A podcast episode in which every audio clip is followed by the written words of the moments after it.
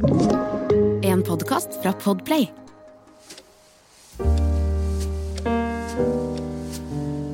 Klokken er tre på natta den 17. april 1976, og storbyen New York er på sitt vårlig vakreste. Lysegrønne blader har akkurat sprunget frem på trærne som står langs veikanten der det unge paret Alexander og Valentina har parkert bilen etter en vellykket date. Begge har hørt om morderen som går løs og skyter tilfeldige ofre i New Yorks gater. Men de er så forelska og tenker at man skal ha rimelig uflaks for at morderen skulle dukke opp akkurat der de var akkurat den kvelden. Men plutselig dukker et ansikt opp utenfor vinduet på passasjersiden der Valentina sitter. Og sekunder senere høres lyden av fire skudd og vindusglass som singler ned på fortauet. En nabo som hører skuddene, ringer politiet. Men han tør ikke å gå ut i gaten selv. Og da politiet kommer til åstedet, finner de Valentina død. Alexander dør noen timer senere på sykehuset, men uten at politiet får avhørt ham. Våpenet er det samme som de andre pistoldrapene som har foregått i byen de siste ni månedene. Men nå finner politiet også et brev i nærheten av ofrene. Brevet er stilet til politimesteren og skrevet i store, nesten barnslige bokstaver. La meg jage dere med disse ordene. Jeg kommer tilbake. Bang, bang, bang. Jeg er ingen kvinnehater, men jeg er et monster. Jeg er sønn av Sam. Jeg er programmert til å drepe. Brevet er undertegnet Mr. Monster.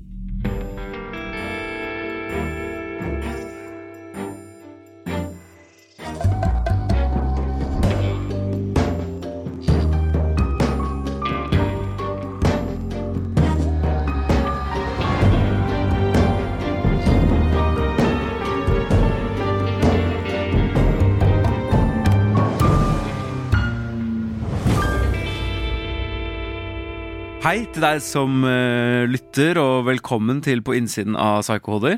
Og velkommen til deg, Susanne. Hei. Ja, hei, her er vi igjen. Hei. Vi sitter her en gang i uka og skal prøve å dykke inn i disse psykohodene så godt vi kan, da. Ja, og i dag er det jo en skikkelig spennende sak. Altså David Berkowitz, Ja. son of Sam. Son of Sam. Ja. Ja. Ja, dette gleder jeg meg skikkelig til, for her er det jo eh, Altså, dette pirrer virkelig opp under min sånn det ett og et halvt året jeg hadde på psykologi. Ja. Da rakk jeg liksom så vidt å komme inn på schizofreni. ja. Og det skal vi vel kanskje innom her. Ja, det kan nok hende. Vi skal innom litt mer psykisk eh, sykdom enn det vi har gjort i de andre episodene. Det kan nok hende, det. Ja. Mm. Nei, det gleder jeg meg til. Ok, først litt om David Berkowitz. David Berkowitz blir født i 1953 og vokser opp i New York City. Bare et par dager gammel blir han adoptert bort til Pearl og Nathan Berkowitz. Og i den nye familien vokser han opp som enebarn, og i den tro at hans biologiske mor døde under fødselen. Som barn oppfører han seg stadig vanskelig og voldsomt. Og selv om foreldrene uttrykker bekymring for psyken hans, blir han aldri utredet noe nærmere. Tidlig i tenårene dør adoptivmammaen, som han var veldig glad i, av kreft. Og da faren gifter seg på nytt en stund etter, legger han stemoren for hat. I årene fra han er 17 til 20 befinner han seg i militæret, og han er annet utstasjonert i Sør-Korea, hvor han blir hedret som en god skytter. Da han kommer hjem til New York igjen, har han flere strøjobber, annet som taxisjåfør, og han begår sitt første overfall julaften 1975 i en yellow cab. De første tre ofrene angriper han med kniv, og alle overlever. Sommeren 1976 skifter han våpen og begynner å skyte tilfeldige ofre, som oftest kvinner med langt brunt hår, og han både skader og dreper. Drapssignaturen blir etter hvert at han sniker seg opp til parkerte biler med kjærestepar, og skyter hele kulelageret inn gjennom vinduet på passasjersiden. I perioden juli 1976 til august 1977 sprer David skrekk i hele New York, med gjennomsnittlig ett angrep i måneden. Innbyggerne er livredde for å bli den ukjente morderens neste offer, og de oppfordres til å holde seg innendørs på kveldstid. Samtidig leker David katt og mus med politiet, som jobber på spreng for å fange ham, men som falmer i blinde til tross for at han sender skremmende syke brev til både dem og utvalgte journalister, hvor han kaller seg Son of Sam. 10. august 1977 blir han endelig tatt, etter å ha blitt avslørt av en parkeringsbukt. Da har han drept seks personer, skadet elleve og holdt hele New York i sitt terrorgrep i over ett år. Etter at rettspsykiaterne finner David tilregnelig, blir han dømt til 25 års fengsel per mord. I dag er han 69 år og sitter i Shawagunk Correctional Facility i staten New York.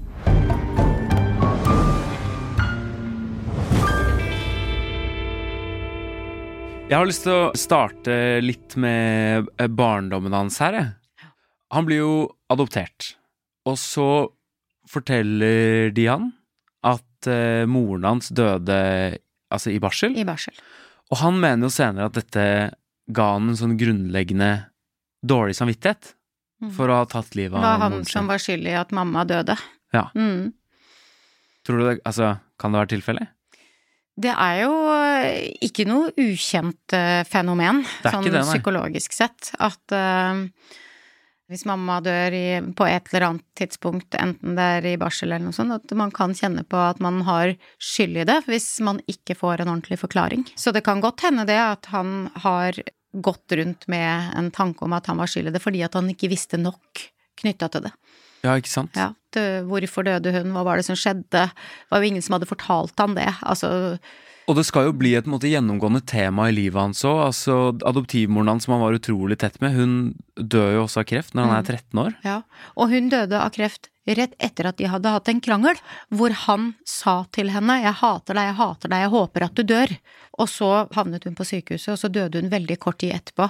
Det er jo en dobbeltskyld, på en måte. Han har drept eh, Han har egentlig Begge skyld i i død, dødsfallene til eh, begge de viktige kvinnene i livet, da. Eller biologisk mor har jo, har jo ikke vært viktig for han sånn sett, men er jo likevel en viktig person sånn psykologisk sett. Ja. Mm. Og i tillegg så blir han jo mobba.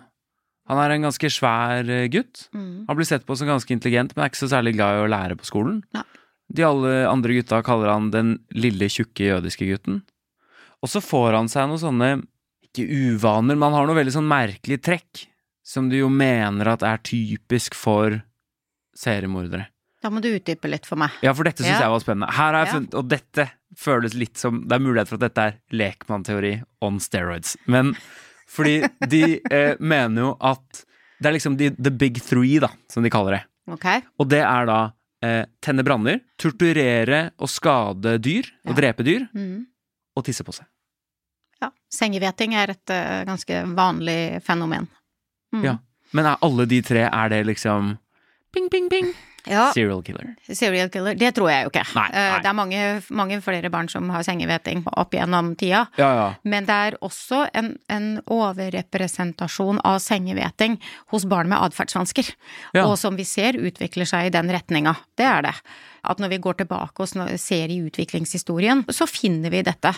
Og for Sam sin del, eller sønnen av Sam eller David Berkowitz, da, så vil jeg jo tenke kanskje at eh, dette med sengehveting, da, Ja. handler om at han er psykologisk sårbar. For ofte så handler det om angst eh, i oppveksten. Og når det gjelder det med grusomhet for dyr, så er jo det noe som går igjen i det som er den diagnosen som vi kaller antisosial personlighetsforstyrrelse eller antisosial atferd. Eh, De eh, har ofte drept dyr, Ja, for, for, eller vært grusomme mot dyr. ja, for å utdype det, da. Fordi moren til David hadde jo en fugl som han ble sjalu på, og som han liksom ga litt og litt gift over lang tid til den til slutt døde. Og i tillegg så samlet han jo på insekter og brant dem og drukna dem i lim. Ja, det er jo ikke vanlig. Ikke i det hele tatt, Nei. føles det som. Men Vi har jo flere vi skal snakke om etter hvert, som, som også gjorde en del sånne ting i, uh, i oppveksten sin, da. Ja. Men den grusomheten mot uh, dyr er ofte den første starten på uh, hvor du ser en empatiforstyrrelse. Hvor de ikke har evne til å sette seg inn i andres følelser. Vi er jo ofte også like glad i dyr som det vi er i andre mennesker. Det vekker også empati hos oss, dyr. De trenger ivaretagelse, de trenger å bli passa på, de trenger omsorg og kjærlighet og næring. Og noe han da tydelig ikke har evnen til. Som er noe av de første tegna på at du kan se at du utvikler seg i den retninga, da. Ja, og så, for å snakke litt om den brannstifterdelen også, fordi han begynner jo når han blir tenåring, Mm. sier han selv, så begynner han for første gang å høre stemmer. Og de stemmene ber han jo om å tenne på ting, Mm. og når han tenner på ting, så blir de rolig. Ja. Det er den mest vanlige forklaringen i forhold til dette med pyromani. Pyromaner, de er spenningssøkende. Og det er prosessen før du tenner på, som er adrenalinkick, og hvor du drives til å gjøre det, og hvor du får en utløsning og en demping når du står og ser på at det brenner. Ja, og hvordan henger det sammen med de stemmene han har i hodet? Hva er det? Det er er, det biologisk, alle, det eller er er det ikke alle pyromaner som har stemmer som sier at Nei. du skal tenne på. Sånn at han har nok et element til allerede da. Han ble jo diagnostisert med paranoid schizofreni, og at han da hadde stemmer som, eh, som befalte han. Stemmehøring er ganske mye forskjellig enn akkurat bare å gjøre som de sier. Noen har stemmer og hører stemmer uten at de agerer på de stemmene, Ja. og uten at de blir på en måte fortalt hva de skal gjøre. Det er befalende stemmer som er, kan være farlig, da. Ja, for vi kan jo kanskje Jeg kan i hvert fall kjenne meg igjen og ha liksom indre dialog med meg selv. Men Ja. det er jo først og fremst med meg, da. Det er liksom ikke så mange andre der. Og du er klar over at det er dine egne tanker. Ja, nettopp. Ja. Men hva er det derre De auditative hallusinasjonene som han har, da? Mm. Hva kommer det av at man får liksom forskjellige sentre, eller forskjellige personer inni hodet sitt, da? Vet man? Forskjellige stemmer som de da eh, personifiserer. Du og jeg sitter og snakker nå med Ja. hver vår stemme, og de som hører på oss, hører to forskjellige stemmer. Det er det en person som har stemmehøring, beskriver stemmehøringen som. At det er to Det er distinkte, eller forskjellige stemmer som prater. Og ofte så krangler de. Ja. Sånn at de kan også ha den ene som prøver å regulere de inn, men så kan den andre ta over og ta over styring. Og så utfører du. Den er mer befalende, den stemmen. Men stemmehøring er en side av en eh, schizofreni som ikke alle har. Men stemmer er eh, ofte svært invalidiserende for den personen som har veldig sånn pågående stemmehøring. Ja, for er det ikke da vanlig for folk med schizofreni å ha et forvrengt virkelighetsbilde? Og det, bare det å, ha, å høre stemmer er jo en vrangforestilling. Ja, det var det jeg lurte på. Det er jo en del av det å, å ha en uh, annen virkelighetsoppfattelse når du hører stemmer som ikke faktisk er fysiske personer som snakker.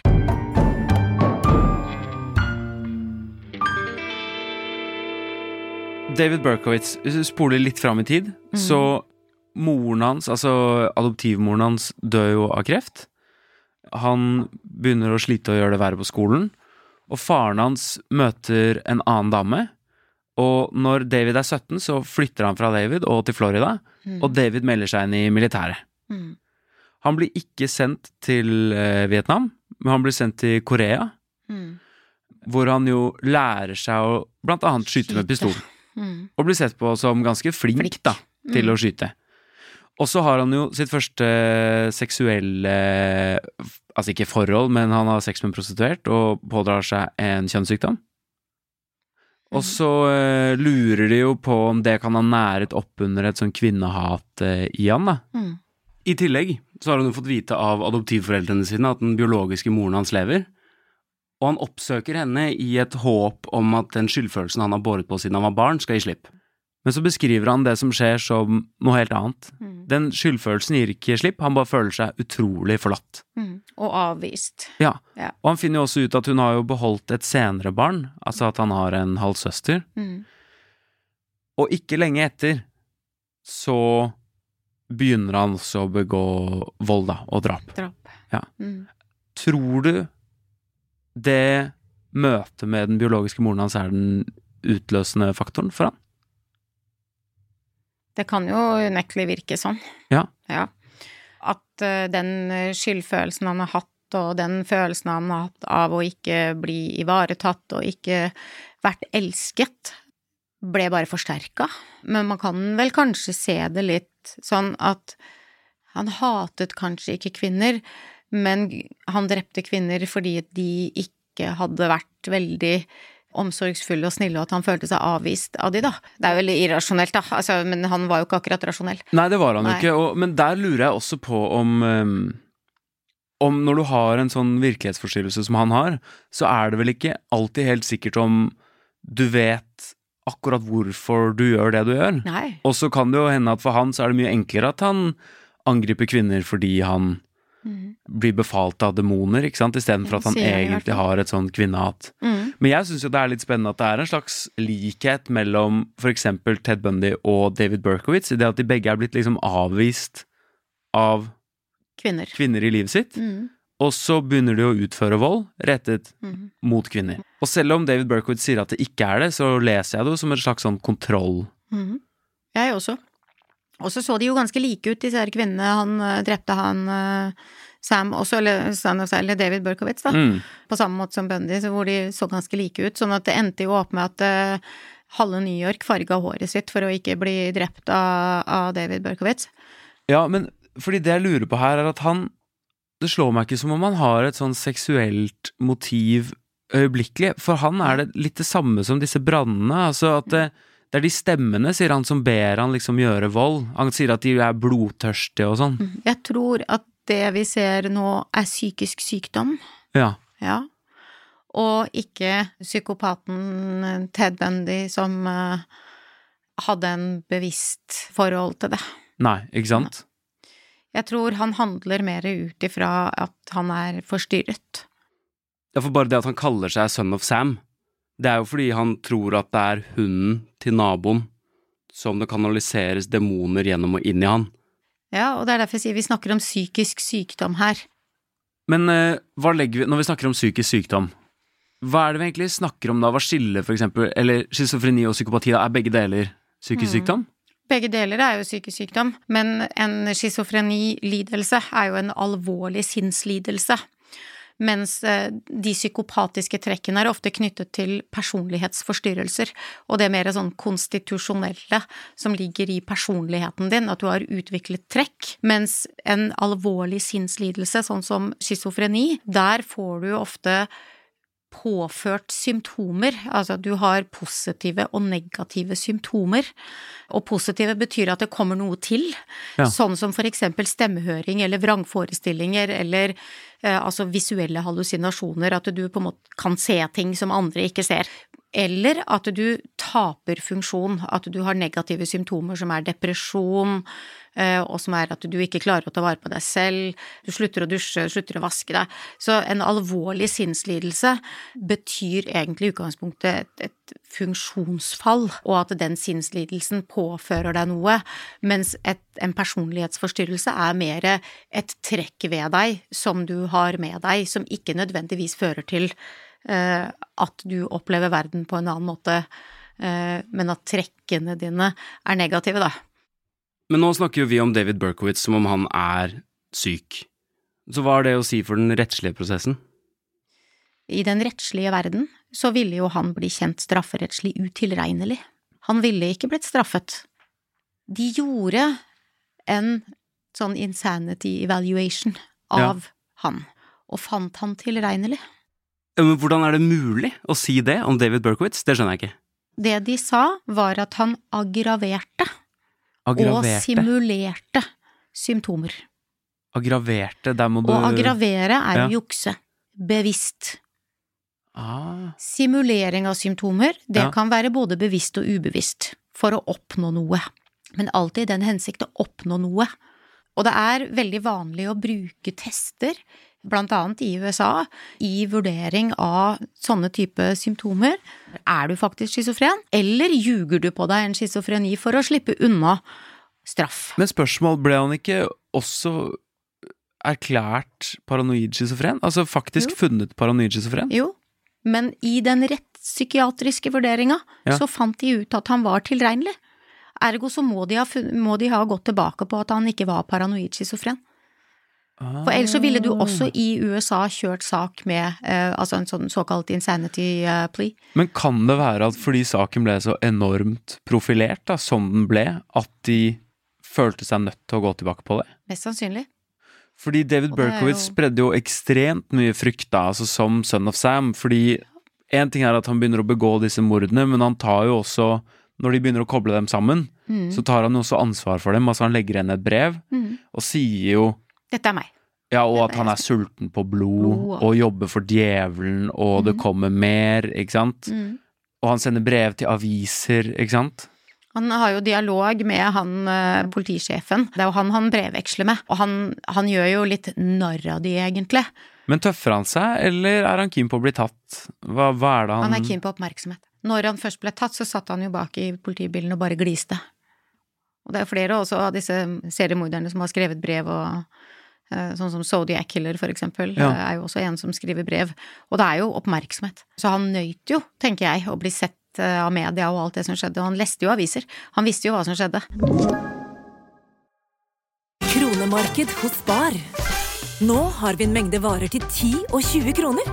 Hele denne uka får du løbiff fra Folkets før 54,90, nå kun 20 kroner. I tillegg får du et utvalgt Vasa knekkebrød, før fra 1690, nå bare 10 kroner. Alltid tilbud på noe godt. Hilsen oss i Spar.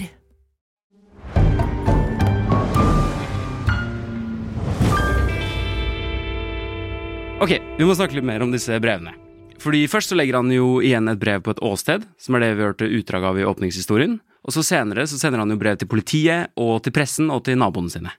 Mm. Noe av innholdet er litt sånn som vi snakka om uh, litt tidligere i dag, at han uh, gjør litt narr av politiet. Ja.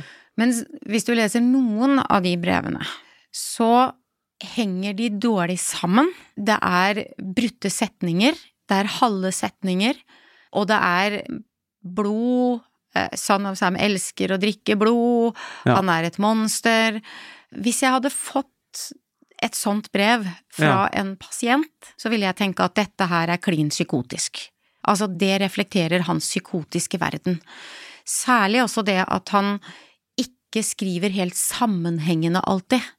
Og det er ofte en sånn kjennetegn med å formidle seg språklig, blir det en brist i, akkurat som det blir en brist i tankevirksomheten ja. når du har en schizofreni. For noen, ikke for alle, ja. men litt sånn for han. Det var sånn jeg så de brevene, at det kan stoppe i tankene. Han stopper på én plass, og så kommer han ikke videre, og så begynner han bare på en ny setning. Og, og noe av de brevene er veldig, veldig makabre. For det er jo litt varier... Altså, det er litt forskjellig innhold i de brevene òg. Altså, mm et av de som er sendt til politiet, og som du sier det er utrolig dårlig liksom, formulert, det henger ikke sammen, det er mm. helt sånn sporadisk. Og så har han jo sendt et til pressen som de mener er helt sånn eksemplarisk gjort. Altså mm. De mente at det kunne vært en spaltist i avisen som har skrevet det, fordi det Og det kjennetegner jo ofte schizofreniens liv. Han har gode perioder, og han har veldig dårlige perioder. Og da kan det virke som om det er to forskjellige personer som formidler seg. Derav det de en gang i tida kalte for uh, split personality disorder. Det var jo det de kalte schizofreni tidligere. For det sier man ikke lenger. Folk, det er ikke lenger sånn at man mener at folk har Nei. fire personligheter. Vi har en diagnose som beskriver det fenomenet, som heter eh, dissosiativ identitetsforstyrrelse. Men det er ikke det samme som en schizofreni, hvor du har helt andre kvaliteter det er ikke to personligheter, men det er variasjoner i sinnstilstand ja. som reflekterer hva du klarer å hente fram av de funksjonene du egentlig har i hjernen din, da. Ja, ikke sant, men du er ikke, du er ikke flere Nei. forskjellige folk som Nei. bytter, liksom Nei. Men de som er dissosiative og har dissosiativ identitetsforstyrrelse, de oppfører seg som forskjellige mennesker. Eh, jeg har jobba noen år, så jeg har sett noen, men ja. kun én som jeg tenker var sann Eh, dissosiativ personlighets- eh, eller identitetsforstyrrelse, da. Mens han schizofrene, han eh, har variasjoner i sinnstilstand, ja. som gjør at han kan bruke for eksempel de gode skriveegenskapene sine og formuleringsegenskapene sine hvis han er i en god periode.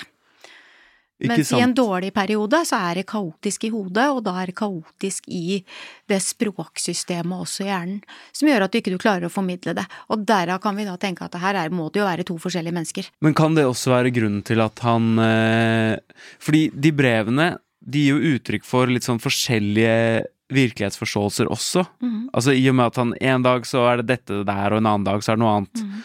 Så når han havner i fengsel og får på en måte roa seg, mm da er, da er jo stressnivået mye lavere, og da endrer jo forklaringen seg også. Det er helt riktig.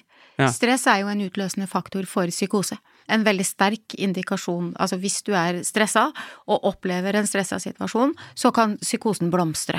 Og hvis han da var i en sånn fase hvor han ønska mye oppmerksomhet, han var stressa, han ville ha, ville ha, da kan det hende at han kanskje oppførte seg på en annen måte, og da vil terskelen for psykosegjennombrudd være lavere. Men kan det også ha noe med å, å trekke det litt tilbake her? Mm. Fordi eh, David Berkowitz, når han var i Korea, mm. så er det noen som sa at han eh, eksperimenterte en del med LSD. Ja. Og jeg mener å huske at når jeg gikk på psykologi, så leste jeg at altså sånn apropos stress, da, mm. fordi sånne psykadeliske opplevelser, det kan mm. være ekstremt stressfremkallende. Det kan det. Og kan være sånn knekk-ting. Ja. ja. Og LSD er jo et av de stoffene som er mest kjent for at det er en sannsynlighet for at du kan utvikle en psykose etter bare én gang. Og hvis David har ja. hatt litt sårbarheter, sånn som vi jo vet han hadde, med at han hadde litt sånne tilbøyeligheter i starten til å brenne litt, og kanskje hadde han stemmer i hodet den gangen også, så blir det en fullt utvikla psykose ganske fort, eller den utvikler seg til en schizofreni etter hvert, da. Så LSD her kan faktisk være det som tippa han, som da fikk han til å, å gå videre fra dette med branner og, øh, og bare dyr, da.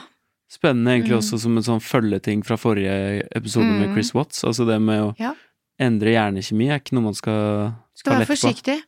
Ja, for jeg har på, Det er jo ikke sånn at alle schizofrene gjør sånne ting, så det må jo være noe annet som spiller inn. Det er ikke vanlig at de som har en psykoselidelse eller paranoid schizofreni eller schizofrenilidelse som sådan, gjør alvorlige ting. Nei, ikke sant? Det er, det er, en myte. De fleste tenker jo på det. De er farlige, og de må ligge inne på en sikkerhetsavdeling. Mm. Eh, de er ikke de mest farlige. De er ikke det.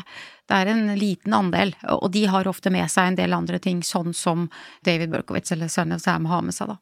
Ja, nettopp, fordi han er jo altså En ting er at han er schizofren, men han er jo også Sånn som dette vi har snakket om med å skade dyr, for eksempel. Han er dyssosial helt fra starten av. Ja. Han mm. loggfører jo brannene sine. Jeg tror han tenner 1400 branner. Mm. Det er jo litt autistisk, egentlig. Ja, litt. Men er, det er mye som kan være tilfellet med mm. Med David Berkowitz. Men det ser ikke sånn ut når du ser på han da i intervjusituasjonen og sånn. Han er litt for god sosialt til det. Han er litt for flink til ja, at vi skal det? kalle det autistisk. Ja. ja. Han er nok ordentlig pedantisk, og det er kanskje den sida vi ser hos han når han skriver til media på en veldig ordentlig, oversiktlig måte, og når han da holder kontroll og oversikt over alt han har gjort, også når han da er psykotisk, så klarer han ikke å holde den oversikten. Nei, ikke sant. Mm. Kanskje det også var grunnen til at han ble tatt. Det var at han, eh, han hadde en veldig dårlig periode, og så glipper han på enkelte ting som han ikke ville glippa på før. Ja, altså, mm. Noen interessante ting rundt at han blir tatt. Mm. For det første, fun fact, han har også en gul Volkswagen. Ja. Akkurat som Ted Bundy. Sånn, akkurat som Ted Bundy. Har vi enda en copycat? Ja. ja. Mm. Men det andre er at han blir tatt for altså, en parkeringsbot. Det er noen som mm. ser bilen hans, og så får de et delvis registreringsnummer. Mm. Og så er det noen som observerer at han har fått en bot, mm. og så klarer de å spore han ned, da. Ja. Og når han endelig blir tatt, så sitter han jo og gliser bak i politibilen. Ja, veldig òg. Så der, der, har du jo den, den, som jeg sier, at han, han gjorde litt narr av politiet underveis, da. Så kanskje han også syntes det var litt morsomt å bli tatt, da. Men kan det også være en, en underliggende del av personligheten som, som syns det er litt deilig å bli tatt? Som ikke hadde så lyst til å fortsette? Sa han med et håp om at det var riktig? At kanskje det var det som var årsaken. Jeg tror kanskje ikke David Berkowitz uh, tenkte sånn. Nei.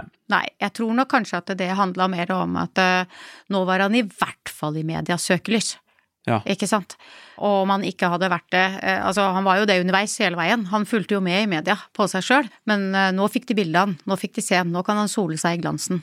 Og det er jo det dysosiale og det narsissistiske og ja. ja. som kommer fram.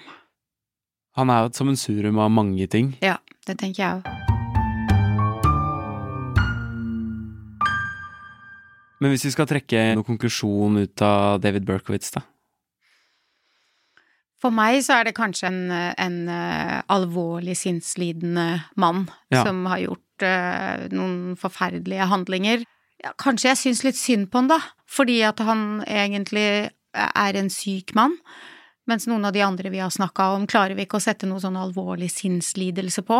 Selv om de noen ganger, noen ganger har sagt at han aggraverer og simulerer, som vi snakka om i starten. Det virker ikke sånn. Nei. Det virker på meg som om dette er en, en syk mann. Eh, så det syns jeg liksom er slutten for meg, da. Er at eh, ja, han har gjort veldig mange grufulle ting, men det kan ha vært noen påvirkninger eh, i form av sinnslidelse som har gjort at han gjorde de tinga han gjorde, da. Og som ikke blir like ondskapsfullt eller ondt som noen av de andre vi har snakka om, da, eller kaldt eller kynisk eller Ja, For han er jo ikke beskrevet som en sånn kald og kynisk person i det hele tatt. Nei. Til sammenligning med de andre vi har snakka om, som jo har osa kaldhet og kyniskhet og empatiforstyrrelse. Så virker David Berkowitz egentlig mer skadet, psykisk såret. Ja, enig. For meg, i hvert fall. Ja. Mm. Hva tenker du da når jeg sier at han er en sårbar gutt? Er det noe du kan kjenne deg igjen i, da? Som du kan ha opplevd i ditt liv?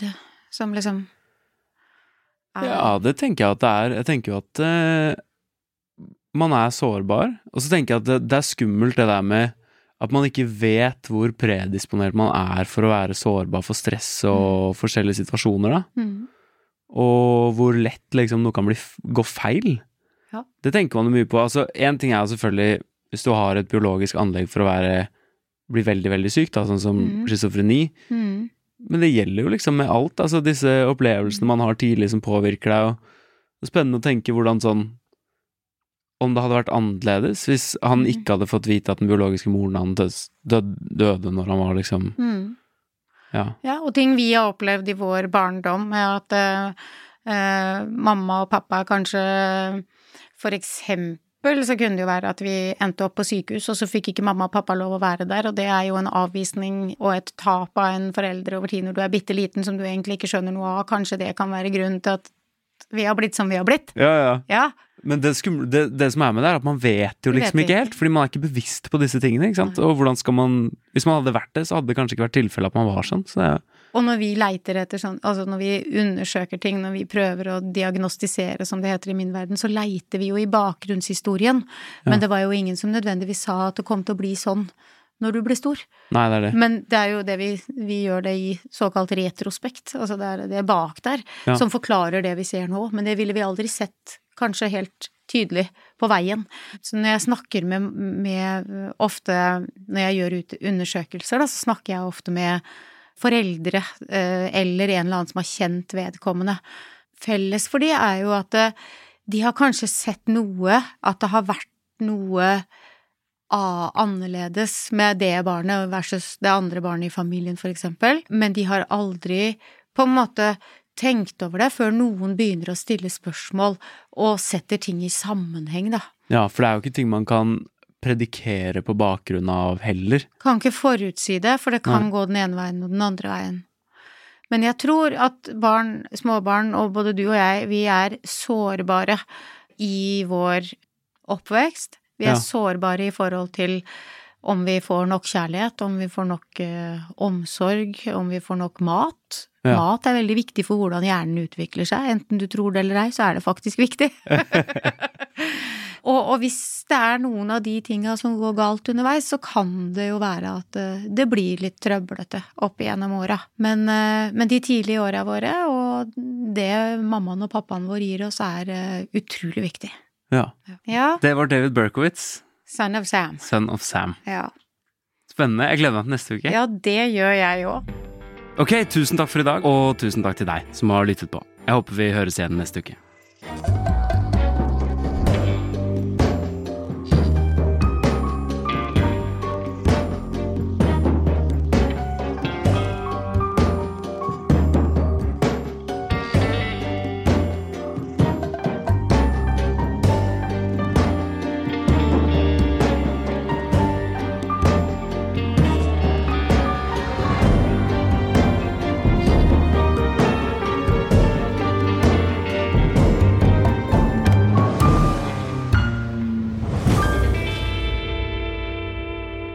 Har hørt På innsiden av Psykoder. Denne podkasten er produsert av Freemantle Podcast for Podplay og Bauer Media. Programledere er Susanne Johansen og Jonas Oftebro. Produsent er Kjersti Kvam. Og musikk og lyddesign er laget av Espen Rogne. Du har hørt en podkast fra Podplay. En enklere måte å høre podkast på. Last ned appen Podplay, eller se podplay.no. Kiwi er billigst i VGs matbørs og har vært billigst i fire av de fem siste VGs matbørser. Og nå presser vi prisen på påskevarer fram til 1. april. På 1,25 liter assortert Henning Olsen sørlandsis presser vi prisen fra 74,90 helt ned til 49,90. På assorterte 250 ml Cevita og Bendit smoothies presser vi prisen fra 1990 helt ned til 12,90 pluss pant. For det er vi som er prispresserne.